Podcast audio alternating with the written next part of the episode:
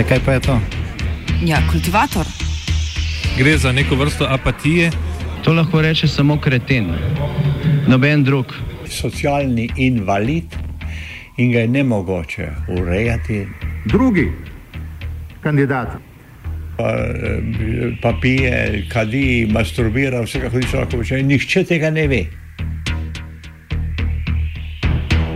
Vsak petek skultiviramo dogodek tedna. Lahko po kriterijih radio študent, težko pa po evropskih kriterijih. Ampak na drug način, kot vi tu mislite. Kultivator vedno užge. Da pač nekdo sploh omenja probleme, ki so, in da pravzaprav sploh nekdo sproži dogajanje uh, v družbi. To drži, drži. Ruska črna mora.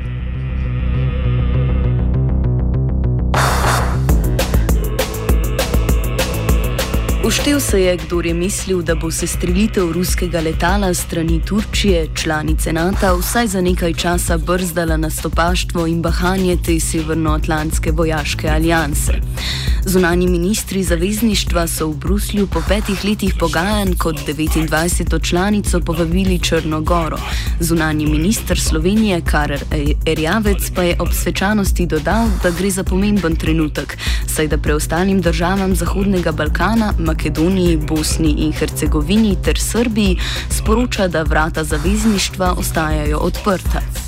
Prvi odzivi Rusije so bili pričakovano ostri. Črnogorski nož v hrbet zgodovinski pravoslavni prijateljici ima vsekakor veliko simbolno moč, a njegove neposredne vojaške in gospodarske posledice za regijo in Črnogoro so vprašljive.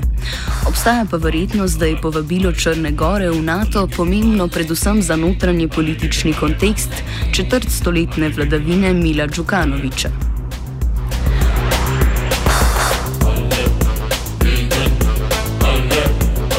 Kolikšni meri, če sploh, se bo na račun priključitve Črne Gore ojačala zveza NATO, pojasni črnogorski novinar Marko Vešovič. Niko ne umije da shvati šta zaista Crna Gora doprinosi evropskoj e, bezbjednosti i kako može da doprinese jačanju alijanse ako znamo da ima samo 2000 vojnika, čak ni toliko u stvari. Zadnja informacija koju je dao Ministarstvo odbrane Crne Gore ste da mi u aktivnom sastavu imamo svega preko 600 uh, Eh, vojnika i oficira, a ukupno sa službenicima ministarstva odbrane radi se od nešto oko 2000 ljudi. Ta vojska nema nikakvo specijalno naoružanje, ona nema skoro nikakvu borbenu moć, tako da nikome nije jasno šta tu zaista ona može da doprinese ovaj, jačanju sigurnosti Euroatlantskog saveza i šta ona treba da uradi da bi mogla da na neki način doprinese bezbjednosti u samom regionu. S izuzetkom Kosova i Bosne i Hercegovine, vjerujem da ćete se saglasiti da su sva važna otvorena pitanja u regionu završena.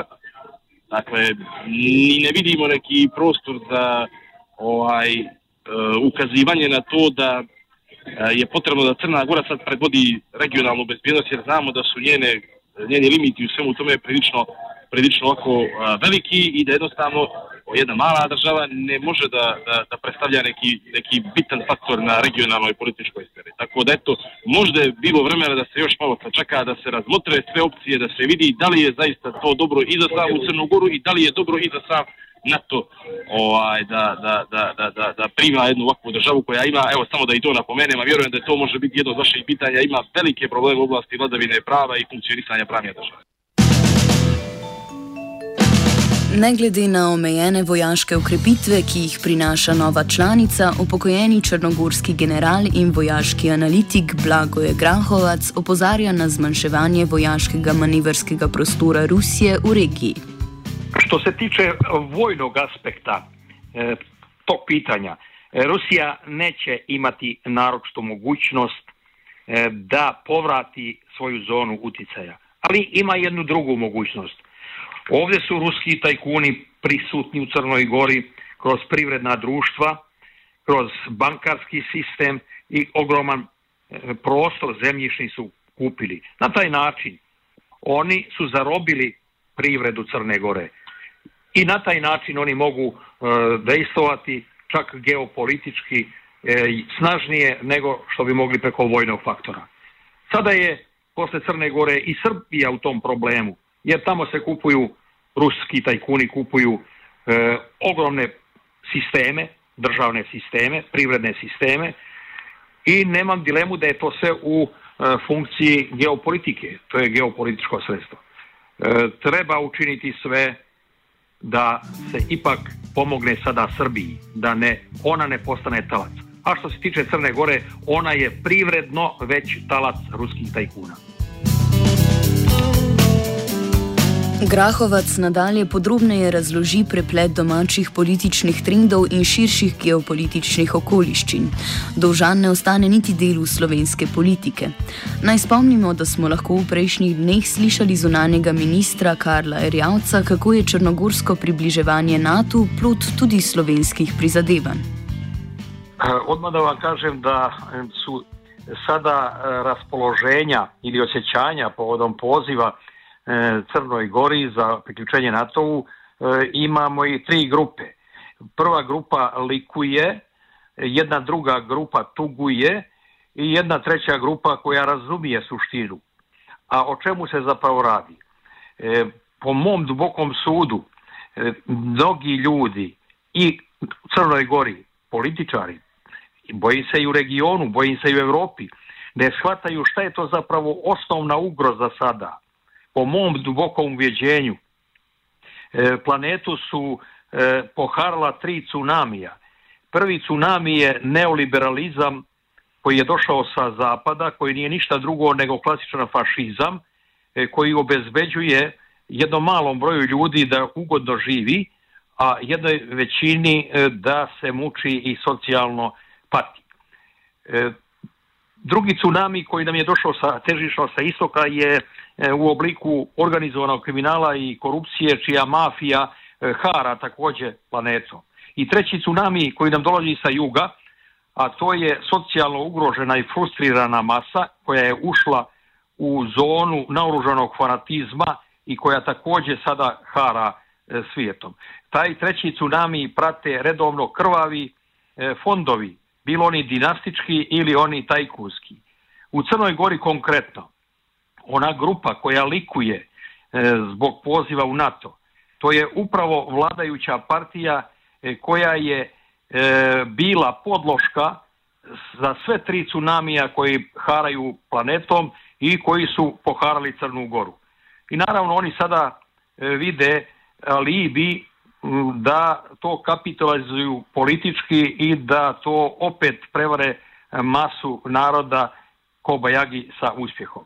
Crna Gora konkretno, jedna manjina, a to je vladajuća partija, e, živi u izobilju. I ogromna većina naroda e, je na socijalnoj granici i rekao bih već uroženosti. Ona druga grupa koja tuguje zbog pozivnice NATO-a, to su ljudi koji su zarobljeni ili u ruskoj mitomaniji ili u pravoslavnom fundamentalizmu.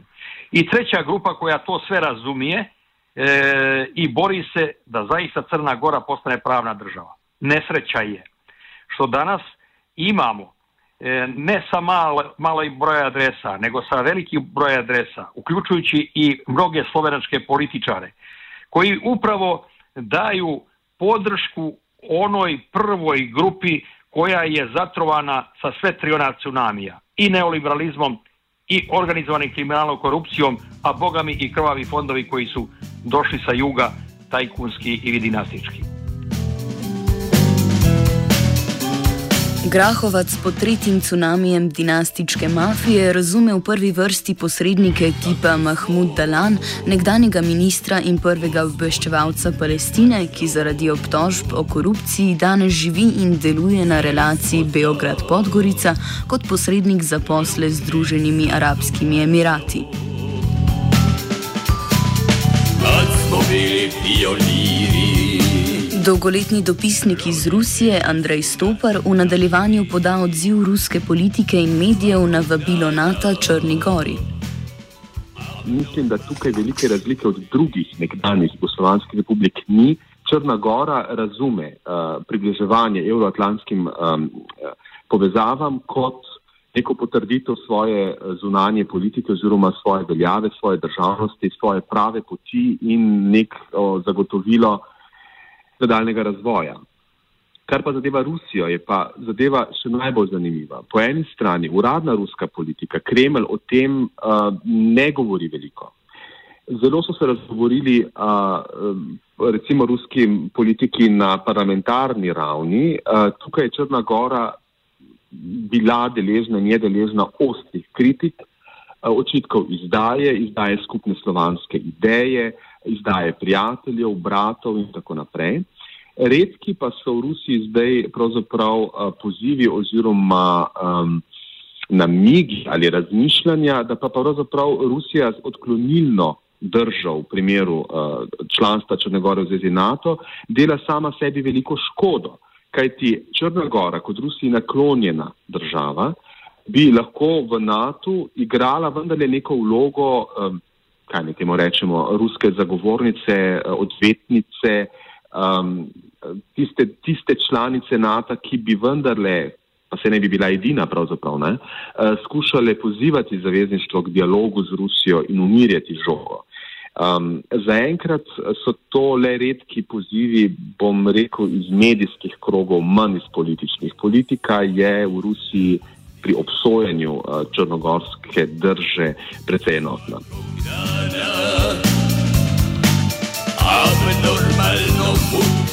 Vešovič meni, da pristop Črne Gore NATO ne bo vplival na razmere v regiji, še manj širše, vsekakor pa bo močno vplival na razmere znotraj države sa aspekta regio, konteksta, čak i regionalnog konteksta, a, a da ne kaže nešto šire. Ne mislim da je članstvo Crne Gore u NATO nešto posebno velika i važna stvar koja će značajno da e, redefiniše odnose u regionu. Dakle, sa Makedonijom imate jednu prilično specifičnu situaciju vezano za njene odnose sa Grčkom, to je opšte poznato. Srbija je jasno iskazala svoj stav vojne neutralnosti i ja ne vidim u ovim okolnostima kako to može da se promijeni, niti sam mišljenja da crnogorsko članstvo može na neki način da to ovaj e, promijeni. Crnogorsko članstvo je, čini mi se, e, prilično, prilično e, sporno samo sa aspekta unutrašnjih odnosa u Crnoj Gori. Jer ih, kao što sam već napomenuo, dodatno zaoštrava, pravi se ta neka konfrontacija sa Rusijom, opet potpuno čini mi se bez potrebe, a sa aspekta jačanja stabilnosti i bezbjednosti u regionu, evo zaista ne mislim da se to nešto može, može posebno ovaj, ojačati činjenicom da će Crna Gora biti dio NATO. A vi znate da je Albanija već NATO, Kosovo funkcioniše kao prostor koji je potpuno pod zaštitom NATO-a, Bosna i Hercegovina također, i ne znam šta sa tu crnogorsko članstvo treba nešto posebno da doprinese, i šta ono posebno može da promijeni. Tako da, ako me pitate da li možda aktualna politika u Srbiji može da se okrene malo više prema saradnji sa NATO zbog činjenice da je Crna, Gora dio zapadne alijanse, ja mislim da se to neće desiti.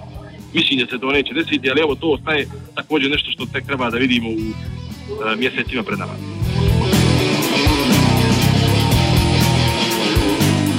Grahovac pojasni, da sta v Črni Gori desetletja usporedno potekala tako varnostno navezovanje z Zahodom, kot tudi gospodarsko in finančno podrejanje ruskim interesom.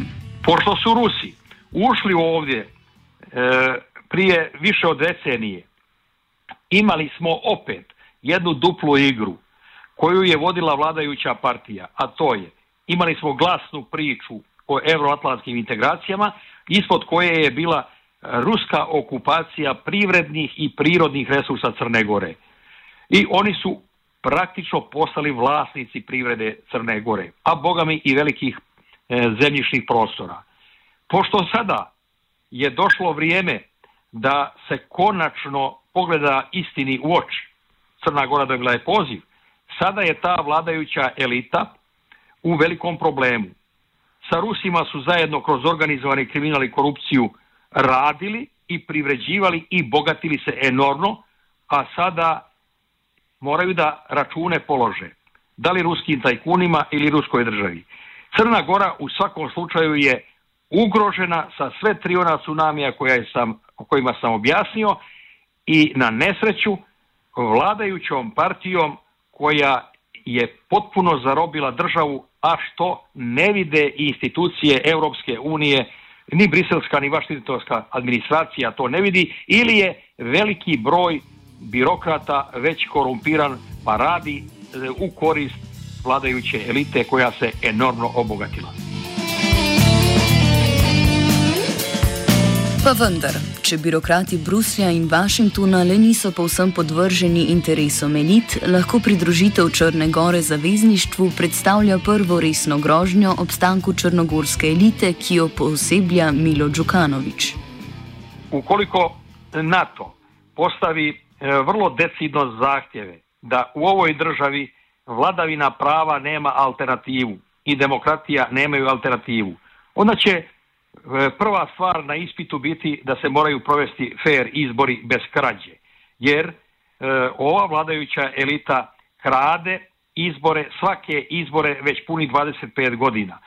Ukoliko NATO to bude zahtijevao e, decidno i ukoliko budu ovde e, objektivni posmatrači radili monitoring, onda će sigurno e, vladajuća elita biti u problemu. Nakon toga će morati doći do fair izbora, kojih nikad ovdje bilo nije, a nakon izbora i odlaska e, one političke elite koja je učestvovala u razbijanju Jugoslavije, koja je učestvovala u svim vlastima Savezne Republike Jugoslavije koja je proizvodila ratove na prostoru bivše Jugoslavije, koja je e, kao državni projekt ovdje utemeljila Šverc kao državni projekt, e, bez njihove eliminacije sa političke scene Crne Gore, Crna Gora je u riziku, a bojim se da će biti kontaminiran i region sa tim zlom. Podobno tudi Vešovič napoveduje zaostrovanje protislovi črnogorske družbe, ukolikor se način vladanja Džukanovičeve vlade ne spremeni. S tem v zvezi bo ključen tudi razvoj dogodkov, ki jih lahko prinese ljudsko nezadovoljstvo, bodi si na ulici, bodi si na referendumu, ki ga vprašanju vstopa v zvezo NATO zahteva del politike. Polarizacija, odnosno podjela na crnogorskoj političkoj sceni postajaće sve veće. Dakle, vlada Crne Gore jednostavno uh, vodi politiku uh, prilično osiono i bahato. Dakle, oni nisu našli za shodno da po pitanju NATO integracije Crne Gore konsultuju sobstvene građane. Dakle, mi sada nemamo referendum, niti se referendum o članstvu Crne Gore u NATO prema zvaničnim izjavama iz vlade Crne Gore planira.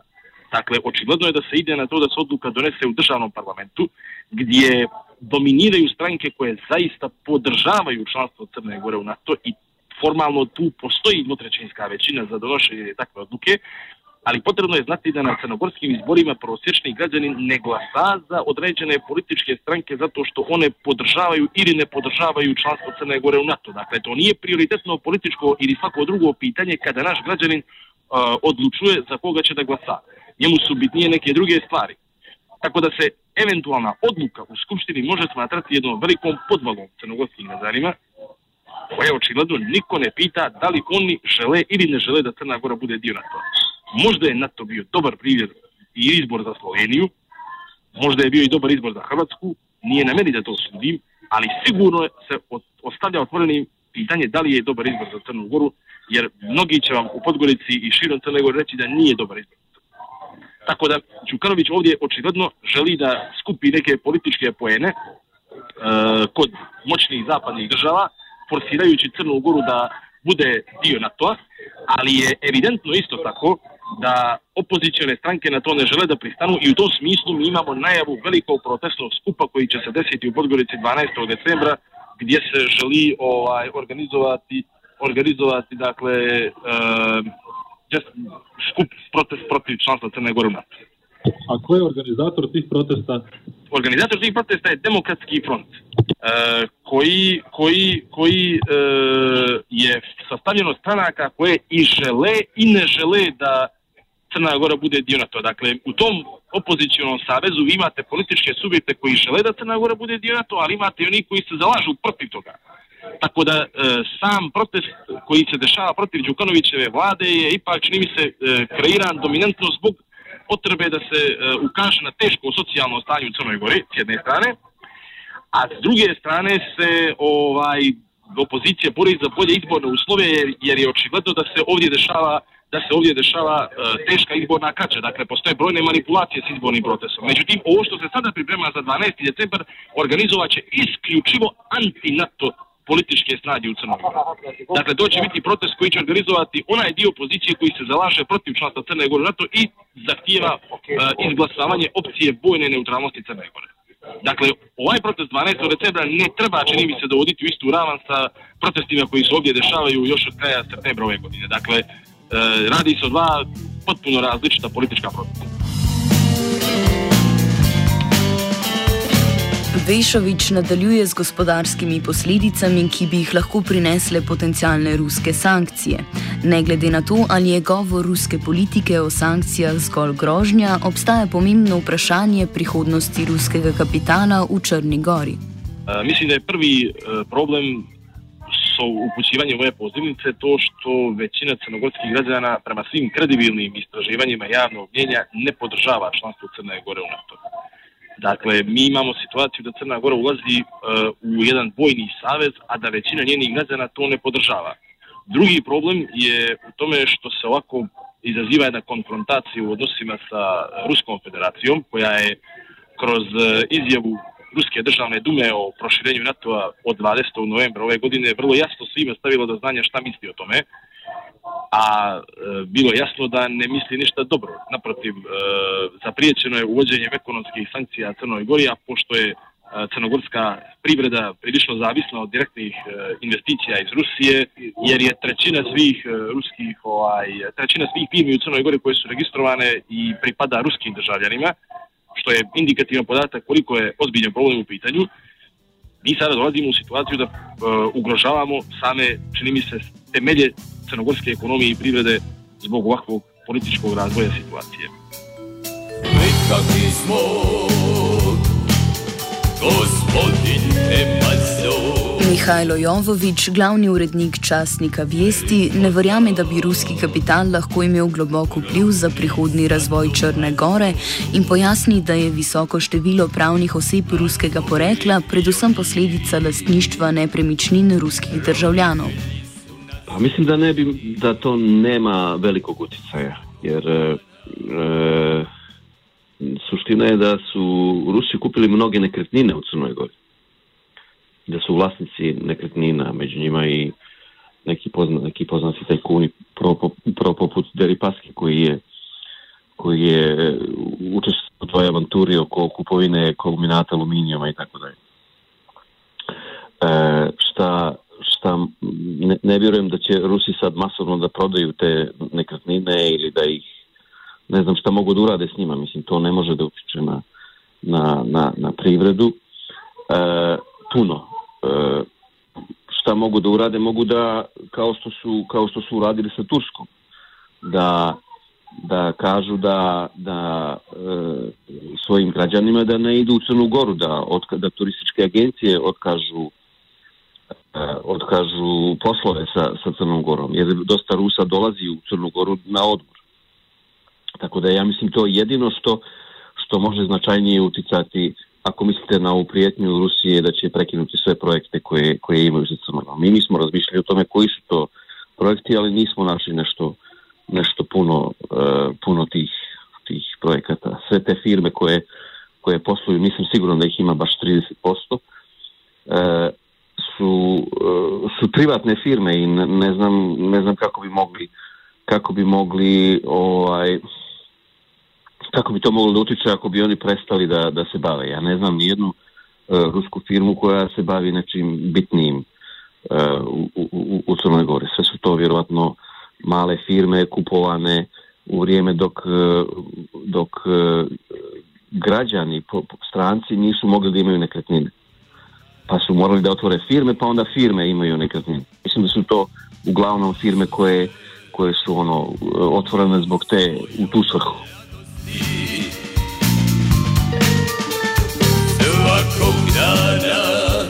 Današnji kultivator zaključujemo z Jovovičem, ki pojasni, da pristop NATO predstavlja le še eno temo, s katero aktualne elite manipulirajo z javnostjo, poglabljajo že ustaljene delitve v družbi in se na ta način izogibajo naslavljanju realnih problemov družbe.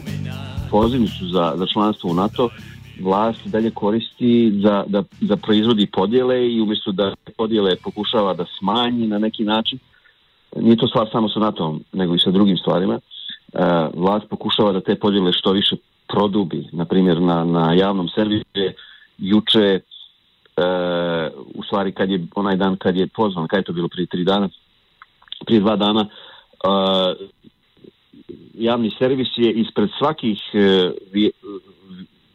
vijesti informativnog programa emitovao državnu himnu koja je u Crnoj, ono, mnogi ljudi ne prihvataju tu himnu i sve, sve, sve bi to bilo ok, ali ja tu vidim namjeru da se te podjele prodube što više, jer na tim podjelama e, ako, ako postoje podjele oko takvih stvari, oko NATO-a, oko identitetskih pitanja, oko himne, oko crkve, e, onda u, u, u javnoj debati nema priče o, o ključnim problemima u društvu, o korupciji, o kriminalu, o životnom standardu, o zdravstvu, o školstvu, o čemu se u normalnim zemljama rasprava. Jer samo, ja mislim da samo na podjelama vlast pokuša da, da, da, da, ostane, da, da ostane vlast.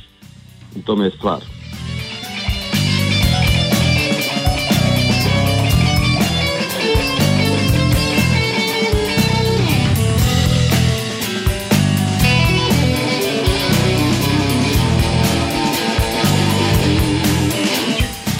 Kultivirala sta vajenec Mladen Zobec in Jankovič.